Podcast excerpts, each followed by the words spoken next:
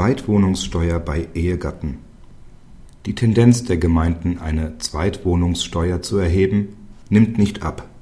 Ausnahmen bei beruflich veranlasster Zweitwohnung eines Ehegatten sind freilich vorzusehen. In einem vor dem VG Gießen geführten Verfahren nimmt der Kläger aus beruflichen Gründen etwa 200 Kilometer von seinem Familienwohnsitz entfernt einen weiteren Wohnsitz. Die beklagte Gemeinde, die nicht mit seinem Arbeitsort identisch ist, erhebt daraufhin die satzungsmäßig geregelte Zweitwohnungssteuer, die nur dann nicht erhoben wird, wenn der Steuerpflichtige aus beruflichen Gründen in der Gemeinde wohnt. Mit seiner Klage hat der Berufstätige Erfolg.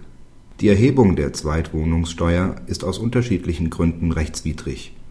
Zunächst ist in der Satzung nicht geregelt, dass die Ausübung der beruflichen Tätigkeit in der beklagten Gemeinde erfolgen muss. Der Befreiungstatbestand liegt auch vor, wenn der Wohnsitz aus beruflichen Gründen genommen wird und die Tätigkeit in einer anderen Gemeinde erfolgt. Abzustellen ist ausschließlich auf die Berufsausübung als Anlass. Der Ort hingegen ist nach der Satzung nicht von Bedeutung. Zudem benachteiligt die Zweitwohnungssteuer den Kläger entgegen Artikel 6 Grundgesetz. Familienangehörige haben ihren Hauptwohnsitz an dem Ort, an dem sich die Familie überwiegend aufhält und können ihren Wohnsitz daher nicht frei wählen Demgegenüber haben ledige Personen die Möglichkeit, durch eine Verlegung ihres Hauptwohnsitzes der Zweitwohnungssteuer zu entgehen.